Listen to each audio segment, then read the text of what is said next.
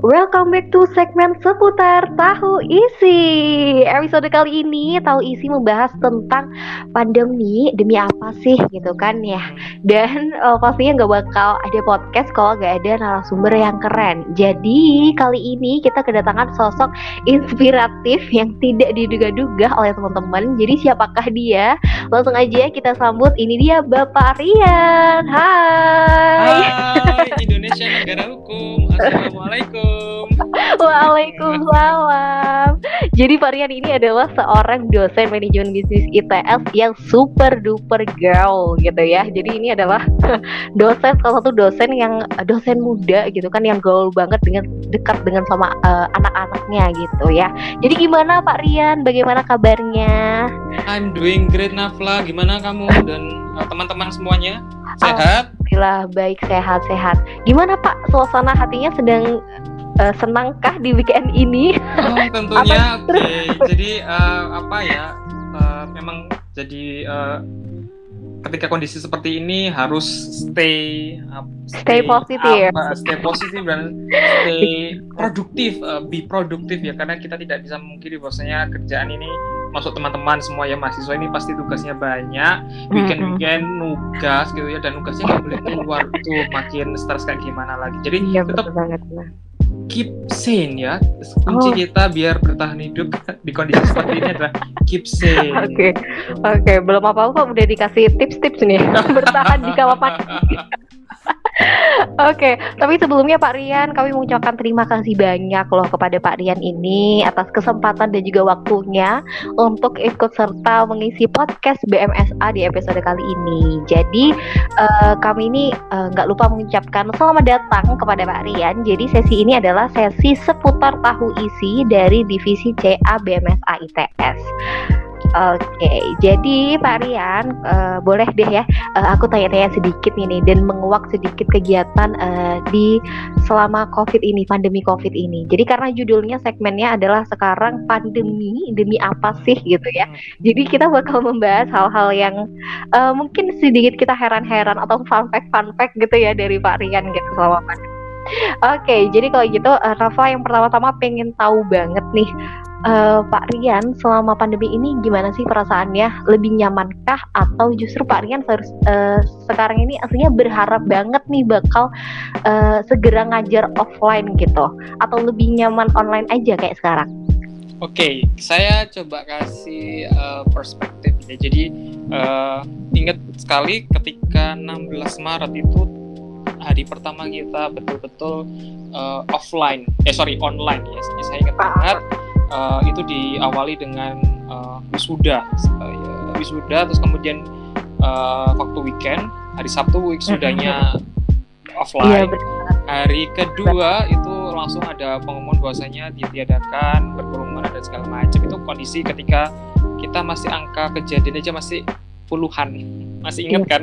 Sepuluhan. Yep, iya, itu pun udah sudah itu pun mencekam sekali gitu ya. Hmm. bagi kita saat itu mencekam gitu ya. Terus kemudian uh, saya juga mengalami parno nih semua hmm. harus uh, mengikuti protokol kesehatan segala macam dan uh, mau nggak mau ini demi kesehatan uh, perasaan saya waktu itu ya memang uh, harus tetap uh, apa produktif tapi di lain sisi kita juga harus waspada gitu ya. Nah kalau diomong uh, apa gimana perasaan sampai saat ini kita mungkin sudah di tahap di mana kita sudah get used to in gitu ya atau kita yeah. sudah lebih menerima gitu ya. Betul. Mm -hmm. nah nah artinya be mindful dengan constraint yang ada gitu ya. Nah kalau saya ditanya mau online atau offline? Dua dua metode ini sangat memiliki kelebihan dan kekurangan gitu ya. Tapi seperti saat ini kita tidak punya banyak pilihan gitu ya. Mau being offline uh, dirasa belum memungkinkan untuk uh, waktu dekat dan online adalah cara yang terbaik gitu. Cuman ya gitu kelemahan dari rekan-rekan adalah mungkin kita akan uh, kita tetap stay connected one of each other yep. tapi uh, apa ada beberapa capaian misalkan teman-teman nggak bisa interaksi langsung tatap muka secara langsung ataupun melakukan uh, apa diskusi yang lain. Kan beberapa kegiatan ya, ini ada kekurangan mm -hmm. gitu ya kalau ketika online itu aja. Jadi perasaan saya ya nano nano uh, tapi kita ya kita lakukan aja. Iya benar. Oke jadi kayak ya udahlah lebih legowo aja gitu ya Pak Rian kalau misalnya ini ya udah jalanin aja online gitu ya Pak Irian ya. Oke, tapi tadi Pak Rian udah membahas sedikit gitu seputar interaksi mahasiswa nih. Nah, uh, Nova pengen tahu deh misal uh, case case di mana uh, pada saat perkuliahan online uh, ada Zoom meeting nih, tapi mahasiswanya ini ternyata pada off cam. Nah, hmm. uh, pribadi pribadinya Pak Rian nih apa sih yang ada di pikiran Pak Rian gitu pada saat itu? Kalau misal teman-teman ini ternyata pada off cam pada saat kelas biar kita kita kita juga tahu nih apa yang dirasain sama dosen gitu kan ya. Oke okay. ini saya uh, saya kasih uh, kasih tunjuk nih misalkan saya juga jadi mahasiswa juga nih ketika saya ikut pelatihan kan sifatnya adalah preaching gitu ya. Ataupun yeah. ikut meeting saya tuh merasa uh, ketika saya off cam itu malah saya nggak saya nggak bisa merespeki kecuali kalau saya dalam perjalanan tidak memungkinkan untuk off apa uh, nyalakan kamera atau kondisi ketika uh, hal-hal lain lah kayak gitu ya. Saya hmm. bangun tidur tuh biasa ya kayak saya saya rasakan uh, bangun tidur langsung ngajar kelas klik-klik tanpa mandi atau hanya sekedar sikat gigi ya uh, cuci muka gitu ya mau nggak mau saya harus off cam uh, on cam karena saya ingin kasih contoh gitu ya kasih contoh ke mahasiswa. Pun ketika saya melakukan uh, training saya jadi peserta didik saya harus bentuk apresiasi saya terhadap uh, apa trainer atau coach gitu ya. Jadi ini adalah bentuk respect saya dan untuk menghargai. Nah begitu pula ketika saya ngajar dengan rekan-rekan saya mengekspektasikan hal yang sama. Teman-teman uh, memperhatikan gitu ya. Teman-teman uh, memberikan uh, apa ya uh, perhatian atau apresiasi gitu. Nah, kalau misalkan off cam gitu ya, uh, hmm. ini banyak sekali saya nggak bisa judgement mungkin ah, kondisi okay. internet sedang stabil. Tapi yang saya uh, apa emphasize atau saya tekankan adalah uh, itu tadi bentuk respect itu ya. Jadi oh. kan apa pun itu being respect. Kemudian kalau off cam pun kalau tidak memungkinkan ya harus off cam ketika saya memberikan pertanyaan rekan-rekan harus lebih responsif itu sih eh, perasaan saya. Jadi uh, sangat disayangkan sebetulnya untuk off cam tapi uh, saya yakin gitu ya ketika penilaian itu nggak cuma segi visual saja gitu nggak hanya diskusi saja gitu ya. Bisa menggunakan audio gitu ya nggak harus off cam jadi bentuk segala macam respect itu banyak sekali kok Oke, yang penting intinya adalah aktif gitu ya Pak ya pada saat perkuliahan. Nah ini. Kalau sudah off cam jangan sampai jawab lagi gitu ya udah udah off gitu. nggak mau jawab gitu ya kencengnya kalau sudah udah baik kita saya tutup kelasnya hari kita minggu depan ketemu lagi stay yeah. pribadi terima kasih pak terima kasih bu gitu ya. terima kasih oh, iya nah. kebiasaan anak-anak ya kayak gitu ya pak ya, ya kan Oke, jadi intinya adalah varian itu memang mengharapkan kita itu teman-teman untuk aktif di saat perkuliahan dan salah satunya adalah dengan cara on kamera gitu ya Pak ya. Jadi biar kita uh, ngobrolnya atau diskusinya itu lebih enak karena kok cuman suara doang kadang kan udah kita ketemunya online gitu kan kedengarannya cuma suaranya doang kan pasti kayak justru lebih uh, menyusahkan lah kita untuk diskusi betul, di betul, gitu. betul, betul. Benar banget. Jadi teman-teman uh, itulah perasaan yang dipendam Pak Rian ya sama ini. gak ada gak ada respon ini yang paling saya nyebelin. Ini saya ngomong sama uh, berjuta-juta apa eh, ber, ber, berjuta-juta beratus mata ini ya kok nggak ada yang respon ini koneksi saya kah atau apa yang membuat saya ini saya selalu berpikir membuat kelas itu agar lebih menarik ya Hmm, oke okay, oke. Okay. Malah justru kalau misalnya teman-teman uh, gak respon, justru ada beban juga ya yang bertambah di Pak Rian ya, karena mungkin uh, tiba-tiba langsung kayak overthinking gitu. Kenapa betul, sih ya masih gitu ya? Nah, dan ya, saya pun tahu, saya pun tahu kalau uh, terlalu zoom sering itu kan juga jenuh. Maka dari itu kan ada pembelajaran yang namanya asinkronus. Teman-teman diminta yeah. untuk membuat tugas secara uh, mandiri gitu ya tanpa harus tatap muka. Saya sudah ap, apa berikan instruksi tugas dan segala macam. Saya hmm. berusaha untuk mengimbangi seperti itu. Ketika oh, okay. ketika offline, ketika sinkronus itu harusnya uh, waktunya yang cepat nih untuk apa waktunya yang tepat nih untuk diskusi langsung. Mungkin kalau kita melalui chat, melalui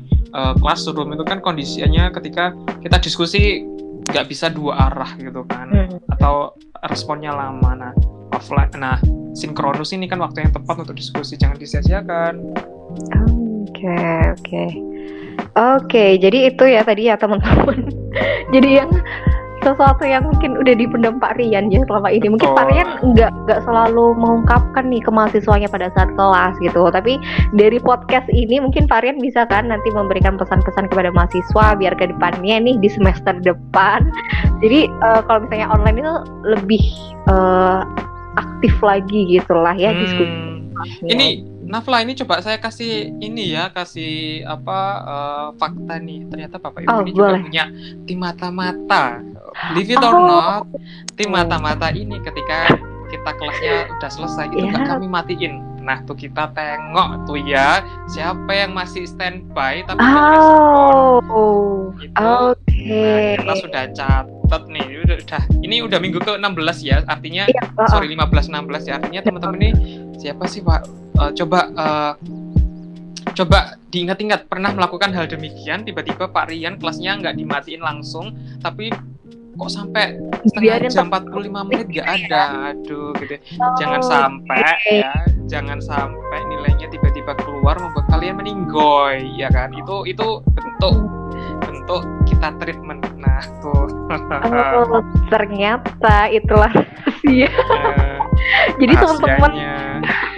Jadi teman-teman ternyata kalau misalnya teman-teman kadang memang sih ada beberapa perkuliahan yang kadang itu nggak di end meeting gitu kan sama Hmm, dosen gitu. betul. Dan tem- Dan teman-teman dibiarin untuk live sendiri nih di meeting roomnya. Jadi kalau nah jadi kalau teman-teman bisa setengah jam sampai 45 menit pun itu belum live meeting, berarti kan dipertanyakan nih sama Nah, udah saya sa- kasih screenshot tuh udah wis.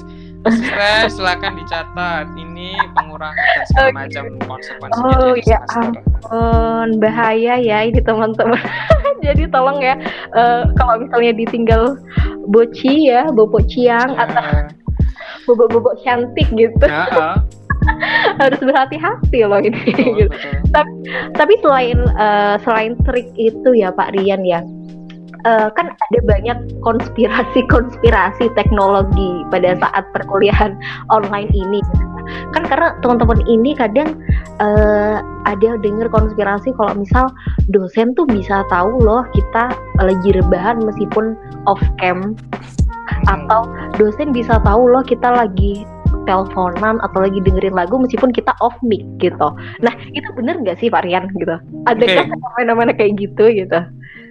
Em, boro-boro kamu lagi rebahan, kita ngerti ini ada yang lagi ngerokok, ada yang main TikTok. Ini kalau boleh saya eh, ini anonimus ya, kita nggak Oh, nyebar, kita langsung kita langsung memberikan evaluasi yang bersangkutan. Ini ceritanya banyak sekali. Kapan lalu yang eh, sampai eh, bahkan ngerokok di depan kamera. Entah itu dia nggak sadar itu kameranya nyala gitu ya, lagi di Oh, warung. oh, joget TikTok, kemudian pakai yang lain-lain gitu ya. Artinya ini sebenarnya bentuk eh, saya paham kondisi seperti ini, tapi eh, kalian kita dikasih privilege untuk di rumah gitu ya. Artinya kita nggak keluar ke mana-mana. Itu teman-teman gunakan eh, ketika waktunya kelas itu sekelas saya yakin sih bapak ibu itu eh, apa ya kalau mata kuliah yang 3 SKS itu ya itu paling cepat satu dua jam itu pun sudah itu pun kalian banyak sebagai uh, silent reader gitu ya. Nah, Iya, ini rekan-rekan yang saya saya harus uh, apa apa harus saya kasih pemahaman bahwasanya kalau koneksi bagus itu gunakan kamera sebagai bentuk. Itu sebagai bentuk kalian ini ya apa nggak nggak menggampangkan nggak pakai uh, tiduran atau nggak pakai sambil rebahan kayak gitu ya. Jadi tuh uh, kita sebenarnya tahu maksudnya uh, ini tuh biasa ya kalau secara Mm-mm, teknologi mm-mm. kita nggak nggak ngerti. Tapi kalau kita sudah kita ini apa petakan ini anak-anak nih yang aktif ini pakai bentuk jadi sisanya kalau nggak off cam itu kita bisa kita berat sekali untuk menjudge gitu ya maka kalau nggak mau dijudge silakan kameranya dinyalakan silakan Oke, aktif, ha-ha. gitu. Jadi biar tidak mengundang permasalahan teman-teman Hmm, untuk on kamera gitu ya pada saat zoom meeting kelas gitu. Nah, tapi Pak Rian eh, berhubung tentang zoom meeting gitu ya. Menurut Pak Rian nih, karena kita kan ada jam eh, ada kelas yang jam 7 atau 7.30 gitulah ya. betul ha. Menurut Pak Rian nih jam yang di jam eh, kelas yang di jam segini ini kepagian atau enggak sih? Karena biasanya nih fenomena kelas di jam 7 dan jam 7.30 ini adalah mahasiswa itu eh kurang aktif gitu ya. Tingkat keaktifannya itu paling rendah itu pada saat kelas di jam, jam 7 pagi, pagi. ya. Benar ya Pak ya? Oke. Nah itu menurut Pak Rian kayak gimana nih? Oke, gini. eh to be honest, eh, saya not morning person gitu. Jadi saya bukan Oh. orang yang pagi banget gitu. Tapi Oke, ketika ah, tahu besok saya ngajar, saya tuh berusaha untuk tidur cepat. mhm, mhm. Jadi nggak ada alasan Malamnya ya? Nggak ada alasan untuk apa tidak aktif sebetulnya. Karena eh, ingat rekan-rekan bahwasanya nggak semua itu punya akses untuk pendidikan gitu ya. Eh, rekan-rekan di ITS ini sebuah satu menurut saya pencapaian yang luar biasa.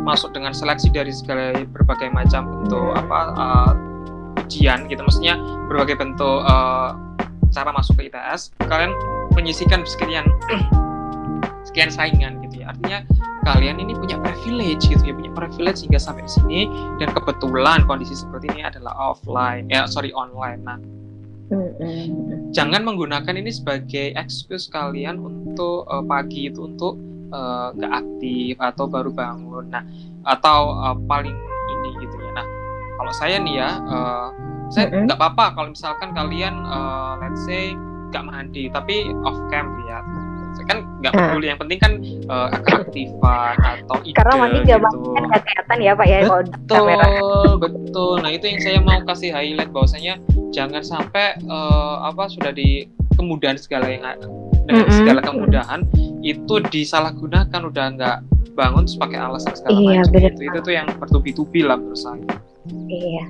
Ya karena bayangin ya bayangin aja nih saya ini juga ya kondisi ketika tiba-tiba semester depan offline gitu ya semua Heeh. harus ready gitu ya bayangin aja apakah kalian Iya. udah ngerasa siap belum kalian setahun setengah ya hampir setahun lebih ya Iya. tiga semester tiga semester of of online gitu ya Heeh. pasti saya kalian generasi kita saya pun sendiri to be honest ya uh, Hmm. untuk ke offline pun juga masih mikir selain uh, kondisi tidak memungkinkan safety rasa rasa malas itu juga ada bagi saya gitu ya. Tapi ingat ya nah ada juga gitu ya harus bangun lagi harus Ya, siap lagi bener segala macam gitu. prepare-nya jauh lebih lama ya Pak ya kalau misalnya nah. offline gitu ya. Teman-teman nah, bangun lebih pagi, harus mandi dulu, nah, sarapan dulu gitu kan. Nyiapin eh, di tas bawa apa aja kayak laptop Betul. dan sebagainya harus on the way ke kampus gitu kan. Itu effortnya effortnya menurut saya sih uh, uh, benar-benar. Jadi justru online ini adalah titik di mana kita itu belajar yang paling gampang adalah online gitu ya. Jadi betul. Bersyukur gitu loh. Bersyukur masih bisa ITS ada meeting zoom gitu kalian tinggal klik gitu ya kalian stay aktif gitu stay apa uh, produktif sudah bisa Hmm. dia anggap lulus. Sorry sorry bukan dianggap. Sudah dianggap uh, apa mengikuti pelajaran. Beda dengan dulu kalau kamu nggak datang udah nggak bisa uh, dan kamu pun ya let's say kamu mau koneksi di mana pun gitu ya eh, mau kalian mau di rumah mau di rumah saudara atau di mana kalian selama selama masih ada koneksi internet itu ya kondisi kalian masih bisa menangkap masih bisa mengabsorb materi gitu. Ya zaman dulu kamu nggak datang ke kelas ya artinya bye gitu kan. Iya benar-benar. Ah, ah, benar-benar benar. Oke, tapi eh, Pak Rian ya, eh, kalau misalnya kita kuliah online nih, Pak Rian punya saran nggak sih untuk mahasiswa gitu, outfit ya atau baju yang di yang diharuskan gitu, atau mungkin yang Pak Rian nyaman untuk dilihat sama teman-teman mahasiswa itu pakaian yang kayak gimana sih? Gitu kadang kan ada beberapa ya udah kali online aja pakai kaos oblong gitu kan, ada beberapa mahasiswa kan mungkin mindsetnya seperti itu. Tapi kalau dari Pak Rian sendiri ada harapan nggak sih untuk teman-teman dalam berpakaian selama Zoom meeting di perkuliahan ini? Oke, ini rekan-rekan saya pun demikian ini ya. Saya eh, mencoba untuk eh, memberikan contoh.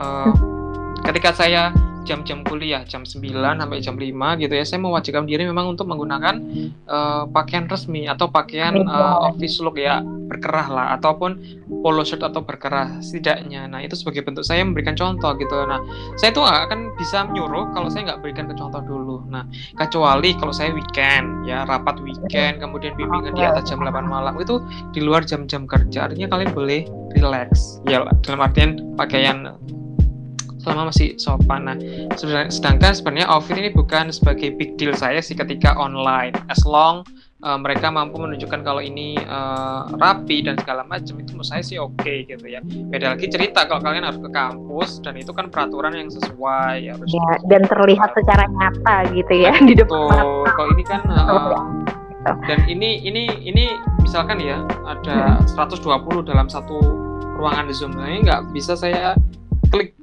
one by one gitu kan saya oh. cuma sekilas kecuali kalau kalian langsung uh, masuk di ruangan 104 ini saya kelihatan ini pakai kaos itu kan sudah obviously sekali ya. bang uh, gitu. Oh, tapi varian uh, itu kan mungkin dari baju ya. Tapi kalau misalnya cewek-cewek yang berhijab ini, uh, kalau tanggapan varian kayak gimana kalau misal uh, teman-teman ini pakai jilbabnya yang mungkin terlihat kurang formal gitu ya, kayak jilbab yang langsung diselobok gitu, atau mungkin tiba-tiba pakai atasan yang mukena kayak gitu itu termasuk uh, pakaian yang uh, kurang cocok ya atau kurang disarankan Pak Rian untuk kuliah atau seperti apa gitu. Karena kalau misalnya cewek-cewek yang berjilbab itu kan eh, ya udah yang penting kan kelihatan jilbabnya gitu kan. Kalau menurut Pak Rian kayak gimana? Ini uh, penilaian attitude itu bisa banyak form tadi saya bilang ya. Nggak hanya uh, apa respon kelas uh, skill apa menghargai dosen dan segala macam gitu. Jadi gini uh,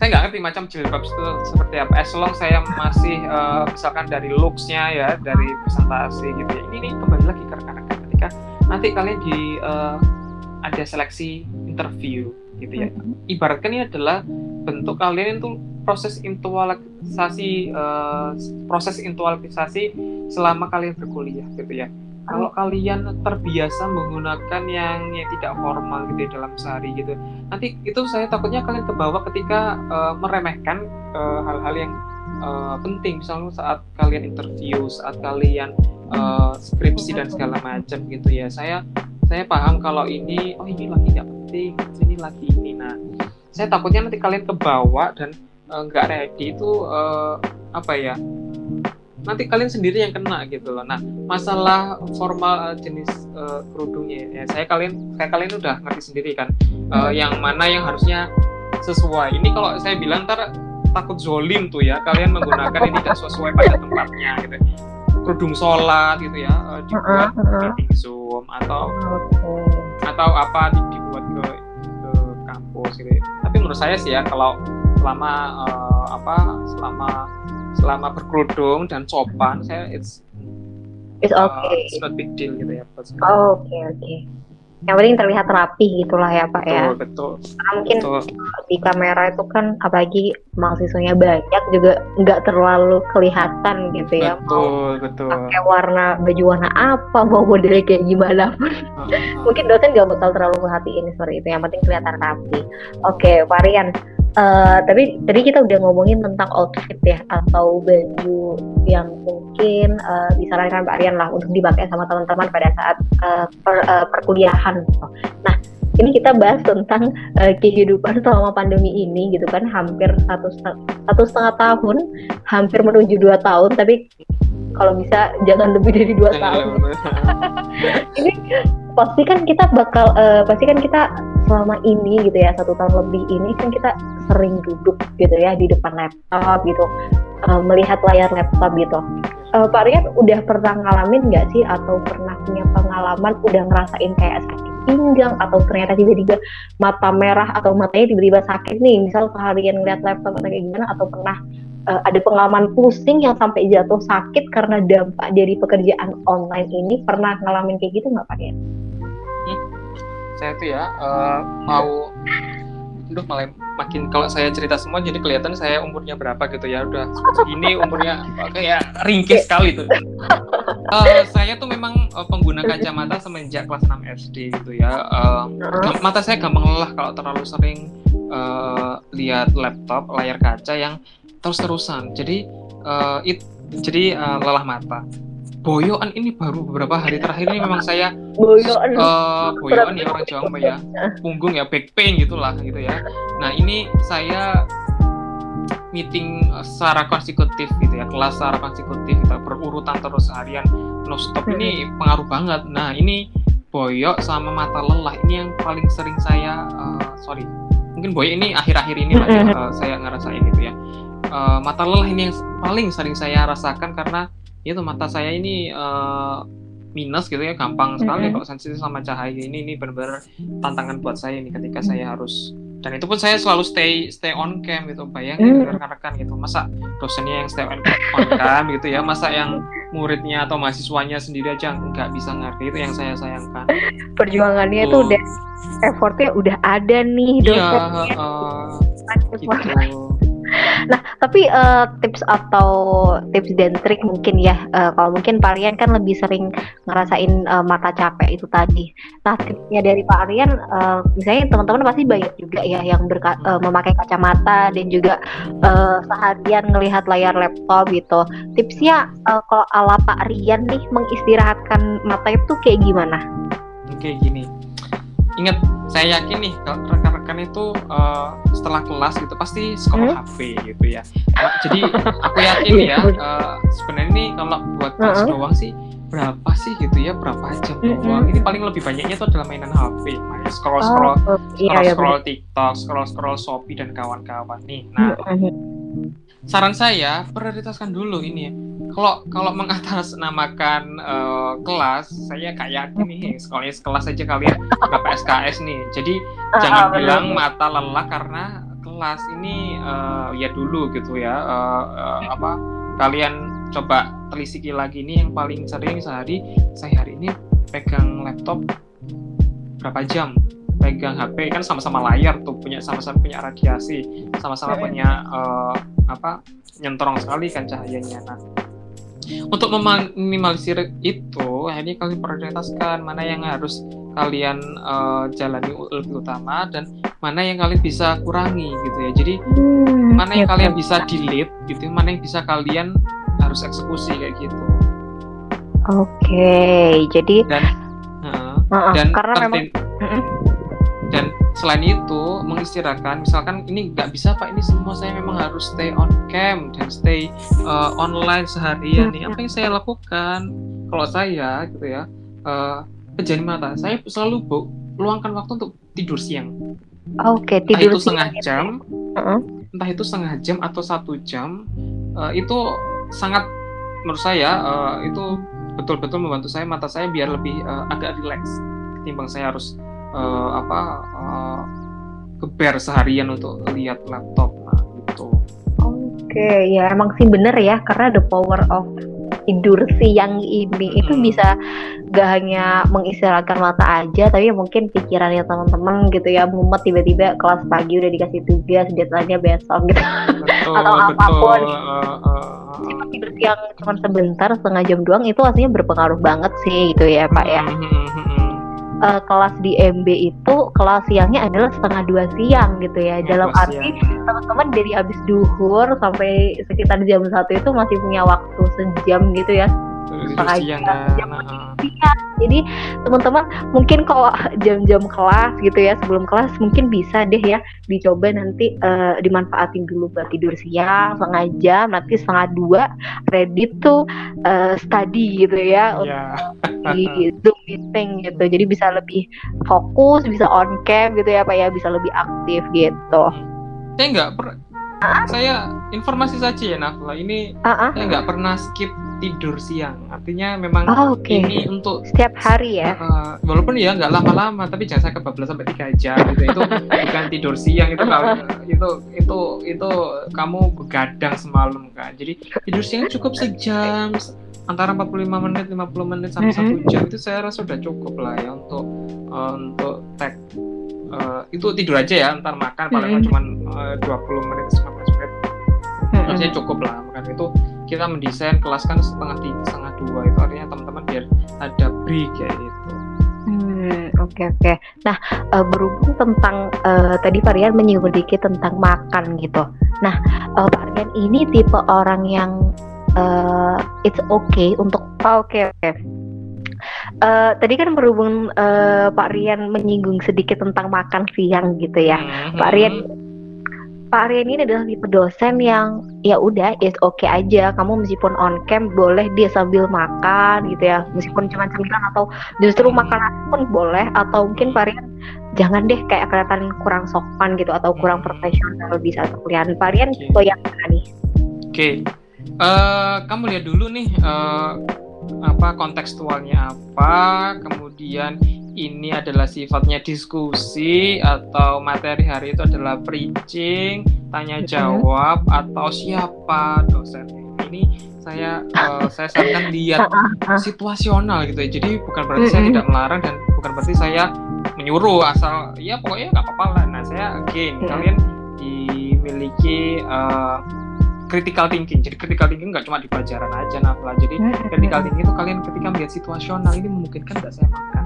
Apakah makannya ini kenapa nggak makan yang sebelum kelas atau nggak makan setelah kelas? Nah ini yang saya mau jadi uh, concern gitu kak. Apakah ini urgent banget? Karena misalkan kalau kepepet ya uh, dan lihat kondisinya misalkan kepepet ternyata oh nanti cuma Pak Rian atau Bu Putih atau Bu Nindi total nah kalau nanti misalkan Pak Imam nah ini akan jadi uh, jadi Dilihat dulu ya dosennya. Betul betul gitu loh. Oke okay, benar benar banget uh-uh. tuh jadi uh, jadi saya nggak bisa bilang ini nggak boleh atau boleh jadi lihat dulu konteksnya seperti apa kayak gitu oke. Tapi kalau misal uh, itu kan tadi uh, dalam kondisi yang urgent banget mungkin hmm. sekolah kelas uh, harus banget langsung keluar rumah gitu ya kegiatan. Jadi uh, kelasnya sambil makan gitu. Tapi kalau misal nyemil nih Pak, uh, Pak Rian gimana nih tanggapannya kalau misal uh, teman-teman uh, on cam nih udah on cam udah niat aktif tapi dengerinnya sambil nyemil gitu kelihatan kalau Pak Rian. Pak Rian gimana nih tanggapannya?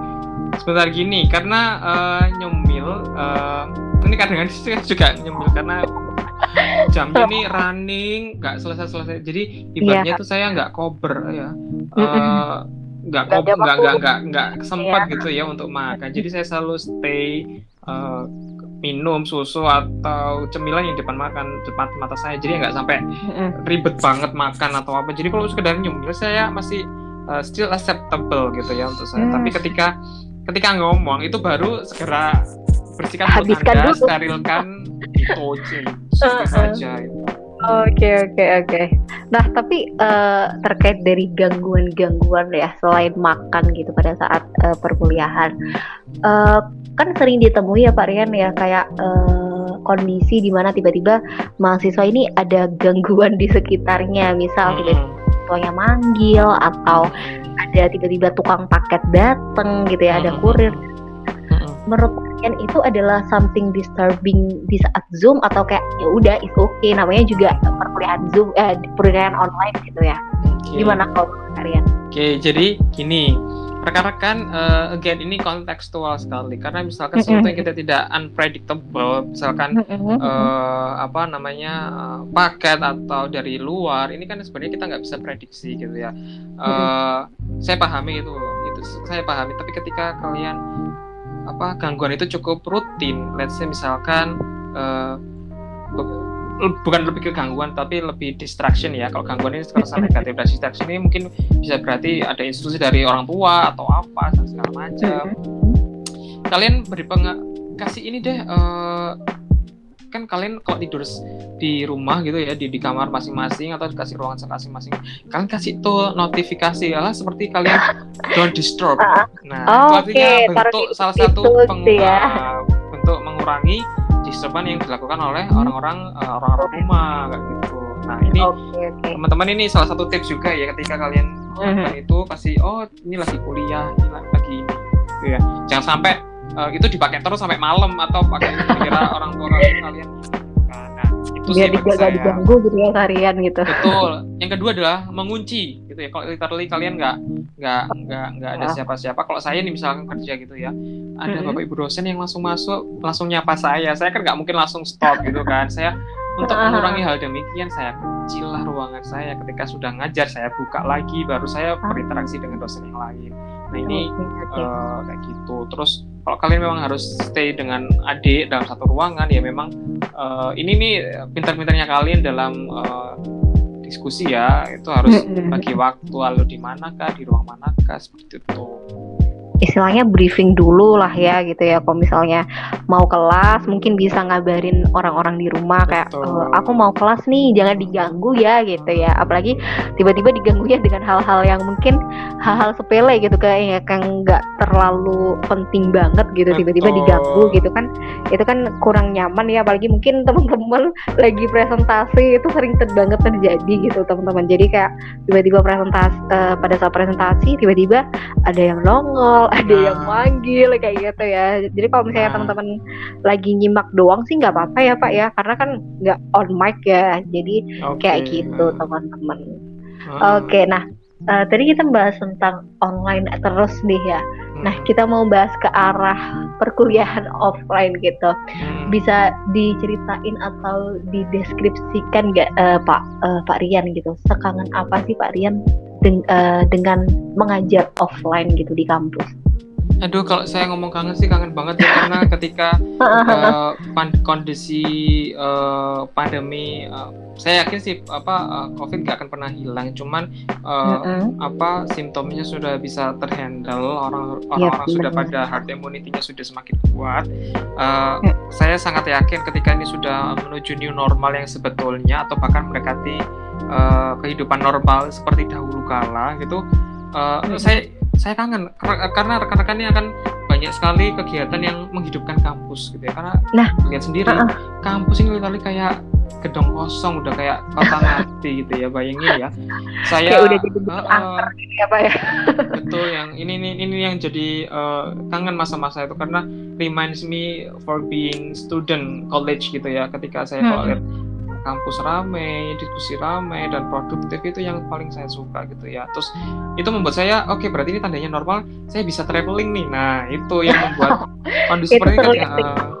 Lihat uh, banget sosial medianya Parian kan hobi banget jalan-jalan nah, gitu ya. Gitu. Nah, ini kangen banget sih kalau secara berarti artinya sudah orang-orang kegiatan pariwisata sudah jalan, teman-teman sudah bisa melakukan uh, pengabdian dan lebih uh, interaksi lagi namanya juga kelas kita itu ya manajemen bisnis mm -hmm. itu paling banyak adalah living lab kerjaan di mana yeah. kita sudah langsung berinteraksi merasakan pennya orang misalkan kalau sebagai UMKM merasakan yeah. Iya. uh, apa ya berempati kalau jadi uh, pengusaha langsung seperti apa nah itu kan ya kita bisa rasakan kalau nggak kita langsung uh, uh, berjabatan tangan, kemudian yeah. melihat ekspresi mukanya, pakai masker mana bisa kan sekarang kalau kalian melihat ekspresi muka, ya kan?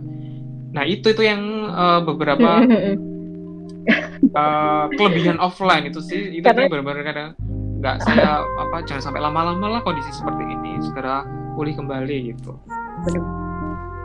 Iya iya benar banget. Nah tapi kan uh, varian ada uh, kemarin gitu ya beberapa bulan yang lalu itu kan udah muncul nih wacana gitu atau desas-desus gitu akan adanya uh, hybrid gitu hybrid kelas uh, uh, uh, uh, offline dan juga online berjalan secara berbarengan. Hmm. tapi pun uh, mungkin di semester depan uh, ditiadakan lagi nih karena uh, lagi mengamuk lagi lah istilahnya.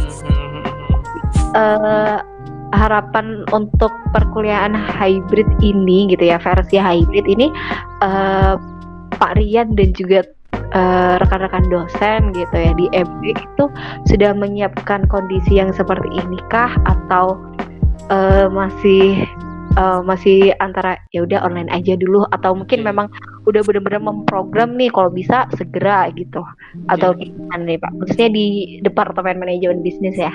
Okay.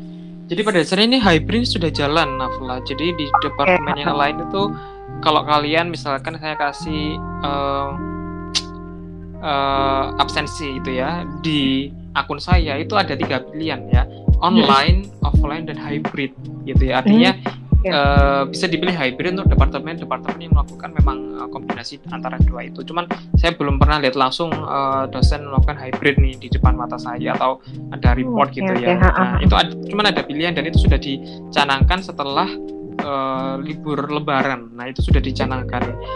Faktanya justru uh, dengan tidak terprediksi karena ini ada gelombang kesekian kalinya gitu ya yang semakin mengamuk ini makin gitu ya. membuat uh, semester depan ini semakin buram lagi nih untuk hmm. offline atau bahkan hybrid ataupun bahkan yang lebih uh, lebih nyata adalah offline itu jadi sangat mm -hmm. uh, belum memungkinkan dan kondisi seperti ini kan kalau sudah sampai 20 ribu kasus 25 ribu kemarin sampai yeah. di titik 24 ribu kasus mm -hmm. per hari itu ya artinya yeah. hampir uh, dua kali lipat ya dua satu setengah uh, ya dua kali lipat itu ya, dari yang tahun pertama yang gelombang satu yang uh, masih ya di tahun 2020 itu, itu ya betul itu tuh berarti yang sangat uh, dan itu butuh recover hampir tiga bulan untuk menurunkan atau melandaikan ya melandaikan sekian persen.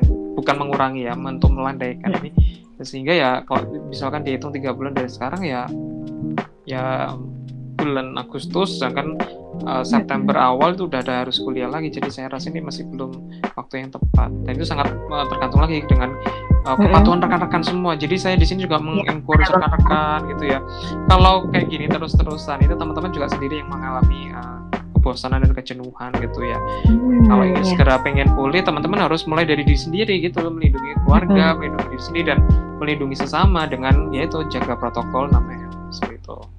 Iya, kebetulan juga gitu ya pada hari ini adalah uh, kok nanti mungkin podcastnya keluarnya agak uh, minggu depan gitu ya. Tapi hari ini pada saat kita rekaman itu teman-teman adalah hari pertama dari ppkm darurat. Jadi nah, mungkin teman yang masih suka nongkrong gitu ya atau masih keluar yang nggak terlalu penting gitu ya. Karena pekerjaan pun beberapa perusahaan sudah diberlakukan WFH gitu ya untuk uh, eh, ppkm darurat ini gitu. Oh. sampai tanggal Jun, Juli oh. 2020. Mungkin teman-teman bisa memanfaatkan lebih maksimal lagi ya, Pak, uh, untuk PPKM ini. Mau itu PPKM, PSBB, PSBB mikro, PPKM uh, makro, PPKM fix alhamdulillah, PPKM fix printed gebang alhamdulillah, PPKM revisi, Udah PPKM kayak apa pun, file ini ya, skripsi gitu ya. Nah, PPKM apa pun itu percuma aja kalau mm-hmm. tidak menyikapinya. Jadi kalau hal itu kan bentuk dari uh, apa uh, kesulitan rekan-rekan gitu. Kalau kalian mm. merasa ini ya, ya akhirnya rekan-rekan harus menjadi pawang apa ya buat teman-teman yang lain ketika mereka ya, tidak protokol gitu saling mengingat itu saja. Oke, jadi itu ya teman-teman ya, eh, nggak uh, kerasa ya, udah lumayan lama nih, wow. hampir sejam. Oh iya, empat lima menit nih. Uh-uh, hampir sejam kita uh, ngobrol-ngobrol sama Pak Rian di sini dan uh, Pak Rian juga udah banyak banget ngasih pesan-pesan ke teman-teman mahasiswa mahasiswa MB dan mungkin cukup sampai di sini juga Pak Rian kekepoan kita ya dari mahasiswa MB. Oh, Jadi okay. dari podcast ini kita akhirnya tahu isi hati para para dosen gitu ya di MB itu ternyata kayak gimana sih selama hmm. perkuliahan online ini. Jadi terima kasih banyak Pak Rian atas waktunya dan kesempatannya yang telah diberikan untuk berbagi cerita di The Podcast Tahu Isi kali ini. Okay. Jadi terima kasih Pak Rian. Bye. Oke, okay, bye bye Nafla, bye bye semuanya. Sehat selalu. Stay safe. Thank okay, you. Thank you.